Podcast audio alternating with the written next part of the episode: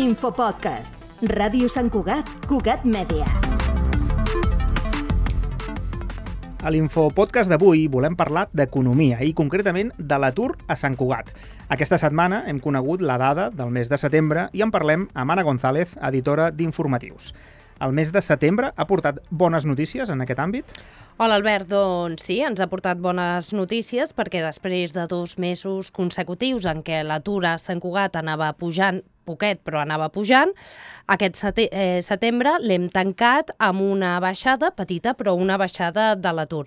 És un efecte similar al que s'ha produït a gairebé tot Catalunya amb aquesta mitjana, és a dir, dos mesos consecutius de pujada amb aquests mesos d'estiu i ara al setembre, al tancament, una petita baixada. Mm, amb tot... Sí, tant.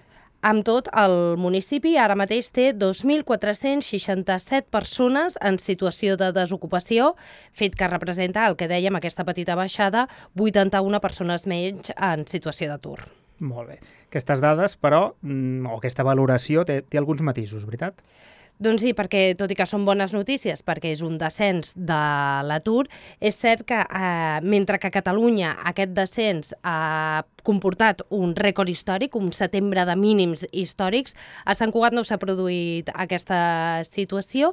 I és més, si fem la comparativa amb altres mesos de setembre de manera interanual, és a dir, amb el 2022, amb el 2021, amb el 2020, sempre als setembres hi ha una petita baixada de l'atur, però en el cas d'aquest any no ha estat tan pronunciada com setembres anteriors. Per tant, no ha estat tan contundent com s'ha produït a la resta de Catalunya. D'acord. En aquest context, però, Sant Cugat sempre se surt una miqueta de la norma, no? És a dir, aquestes dades de, de Sant Cugat, en general, sempre són positives en comparació tant amb la comarca com fins i tot amb el país.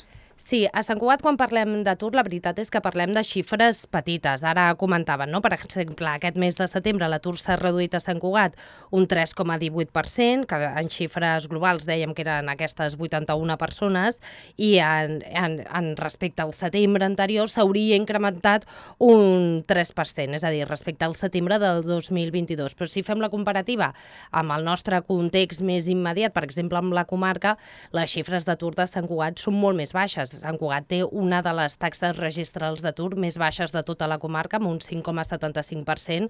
Només Pere té una taxa inferior a vegades es parla d'atur tècnic a Sant Cugat, no?, bàsicament.